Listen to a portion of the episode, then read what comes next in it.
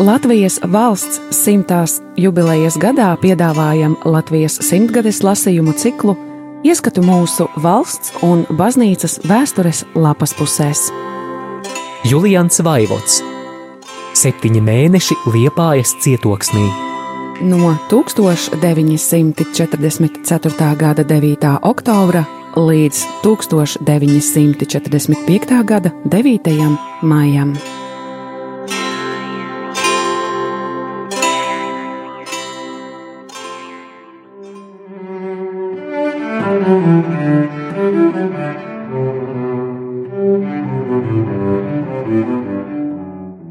1944. gada 18. decembrī.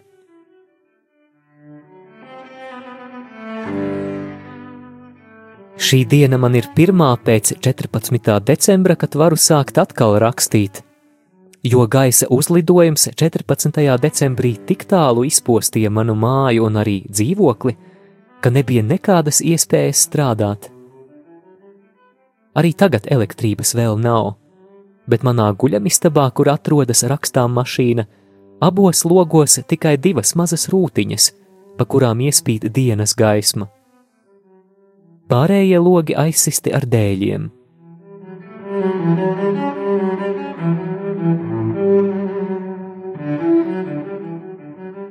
Četrpadsmitais decembris bija pirmā skaidrā diena pēc pāris lietainām nedēļām. Jau no rīta sākās trauksme, un bija mazāki uzlidojumi, bet pilsētā bumbas vēl nemeta. Galvenais uzlidojums sākās pulksten piecos vakarā, un tas bija vispār šausmīgs, sevišķi baznīcas apkārtnē. Es pa uzlidojuma laiku atrados baznīcā, un nokrītot smagā kalibra bumbām, bija tik liela detonācija, ka pat baznīcas pagrabā visa zeme nolīgojās, un mūri šūpojās kā spēcīgas zemestrīces laikā.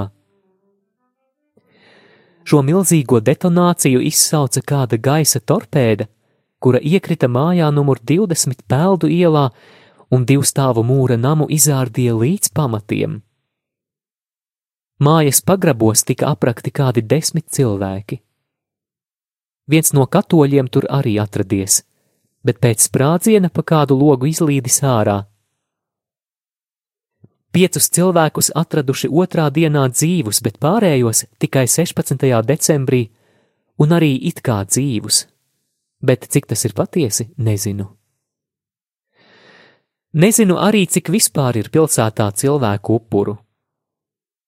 Jābūt tomēr daudz, jo dienā esot nogremdēti arī vairāki kuģi.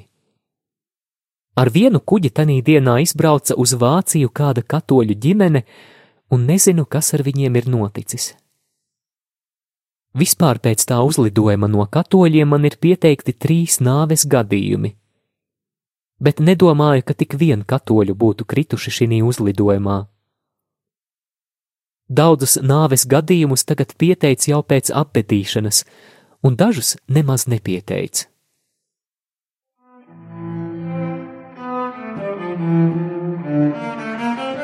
Thank you.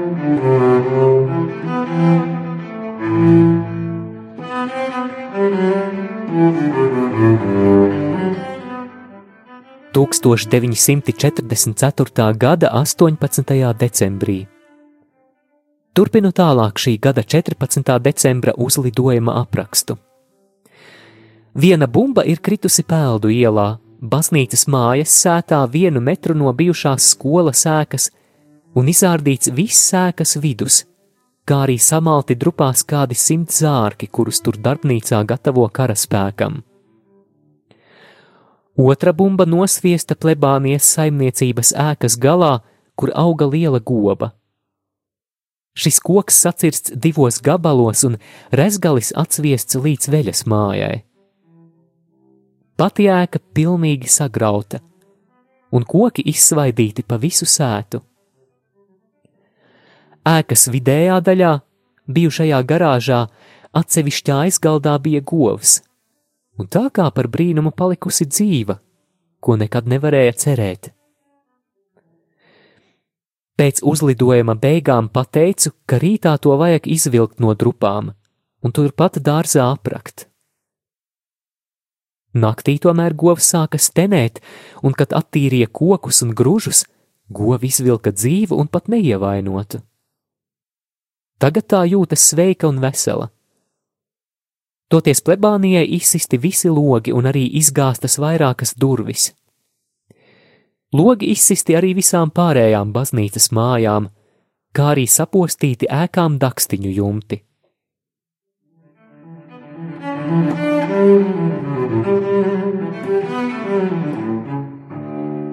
Mans dzīvoklis izskatījās pēc īstas postažas, lai gan no iekārtas daudz nekas nav sabojāts. Arī rakstām mašīna nav cietusi. Kā par nelaimi tajā naktī sāka stipri salt, un visā mājā nebija neviena kaktiņa, kur nepūstu vējš. Kabinetā aizskāru ar segu logu un liku sataisīt uz dīvāna guļas vietu, bet velti, jo vējš tomēr gaudoja kā uz lauka. Citas izējas nebija kā ielīst stūrī iebūvētā lielā drēbju skapī un tur pavadīt nakti. Rītā atklājās šausmīgs skats, kā mājā, tā arī baznīcā, un sākumā nezināju, ko iesākt.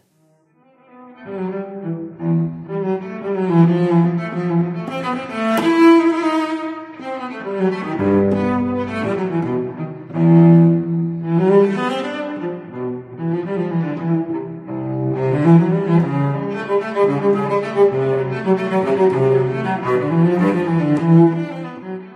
1944. gada 19. decembrī. 15. decembrī pirmais tūlīt pēc dievkalpojuma bija sameklēt materiālu, ar ko aiztaisīt logus, lai rastu kādu patvērumu dzīvoklī. Dabūju arī savu pastāvīgo amatnieku un stājāmies pie darba. Visus mana dzīvokļa logus aizsitām ar dēļiem, Tāpēc guļamistaba izskatās pilnīgi pēc cietuma kameras, jo abos logos ir tikai pa vienai mazai rūtiņai ar stiklu, bet pārējās logu daļas tumšas. Kabinetā vēl palikušas piecas neaizsistas rūtis, tāpēc tas izliekas diezgan lepns. Priekštelpa un vannas istaba ir pavisam tumšas. Draudzes zālē ir tikai divas mazas gaismas rūtiņas zāle un kancelēja tumšas, tāpat ēdam istaba, kurā nav pat durvju. Augststāvs viss līdzinās vienai postažai, un tur pagaidām neviens nedzīvo, jo vienīgais iemītnieks, kāds bēglis, šodien aizgāja dzīvot kaut kur citur. Vakar kārtošanu dzīvoklī pārtraucām un šodien strādājām pie baznīcas logu salabošanas. Aizvakar lūdzu draudzes locekļus ziņot, kur būtu dabūjams materiāls, un vakar jau nopirku lielāku kvantumu finiera, kādas desmit tāfeles saziedoja draudzes locekļi, pat kāda sieviete no laukiem bija atvedusi. Biju arī lūdzis palīgā vīriešus, bet neviens neieradās, jo visi darba spējīgie saistīti pastāvīgajā darbā, un viņiem grūti no darba atbrīvoties. Sievietes šī gadījumā nekā nevar līdzēt, tāpēc pašam bija jāķeras pie darba. Šodien izsistiem logiem no ārpuses stāvus piestiprinājām garus dēļus, un rīt jau varēs sist klāt finierus. Smuki jau nebūs, bet ko lai dara? Ka tikai aizvējš.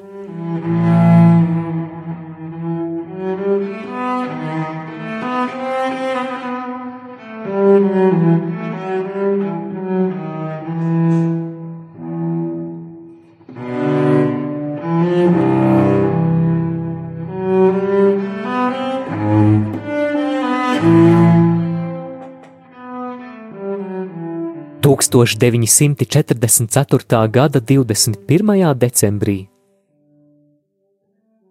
Vakar un šodien tika strādāts pie baznīcas logiem.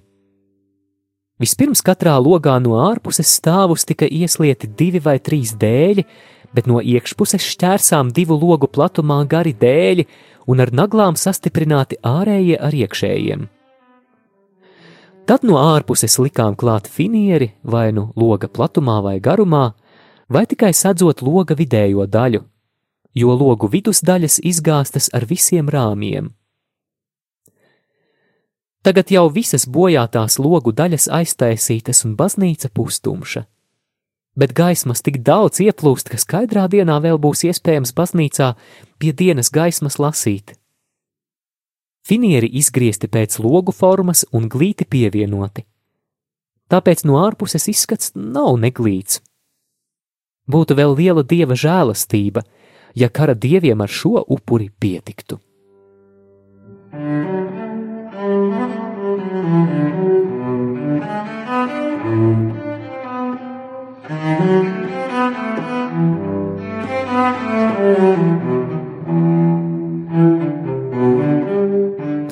Sākumā pēc katastrofas, skatot šo milzīgo skādi un postījumu, garas stāvoklis man bija šausmīgs. Bet tagad, pēc logu aiztaisīšanas, jau drusku nomierinājos, un tikai lūdzu Dievu, lai pašu baznīcu pasargā no sagraušanas.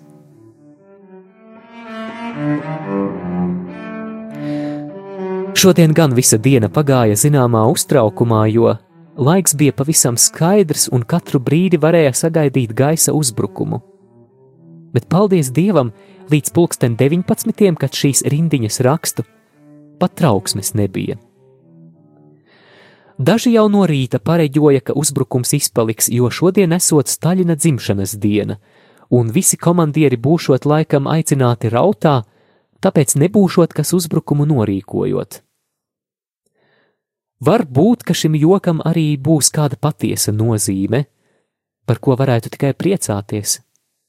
Kura diena nodzīvota mierā, par to paldies Dievam un cilvēkiem, kas to sagādājuši. Thank you.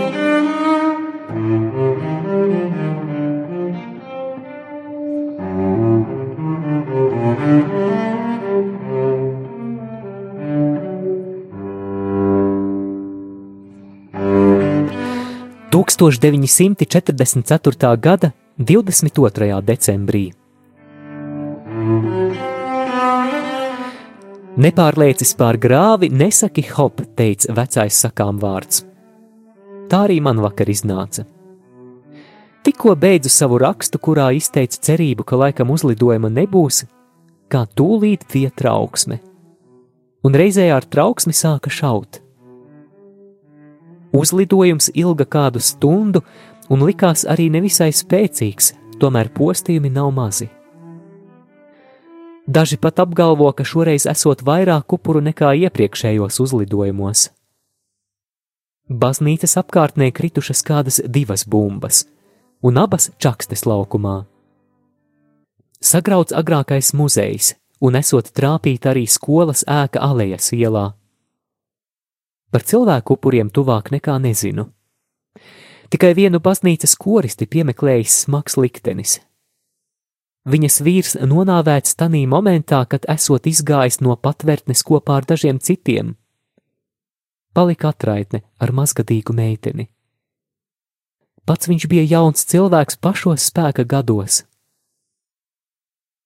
Arī man labi pazīstamās Ongirskas kundzes mājiņā esot iekritusi kāda mazāka bumba, un pagraba patvērtnē nonāvēti daži cilvēki.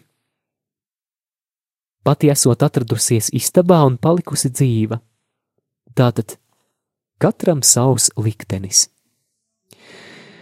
Viens nonāvēts tāpēc, ka nav atradies patvērtnē, bet otrs palicis dzīves tāpēc, ka nav gājis uz patvērtni. Viens gan skaidrs, ka nāve tagad uzglūni katrā momentā Kurš acu mirklis būs tas liktenīgais, neviens nevar zināt. Viens dievs zina, cik vēl ilgi atliek dzīvot un kāda nāks nāve.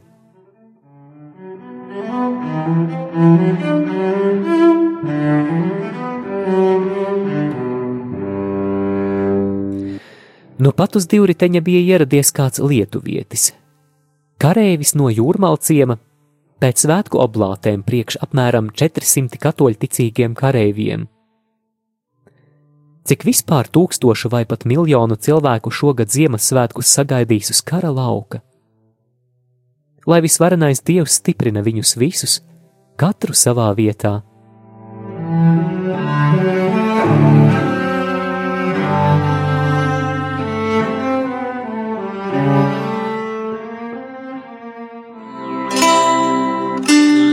Radio Marija Latvija ēterā Latvijas simtgadēji veltīti lasījumi. Julians Vaivots Septiņi mēneši liepājas cietoksnī.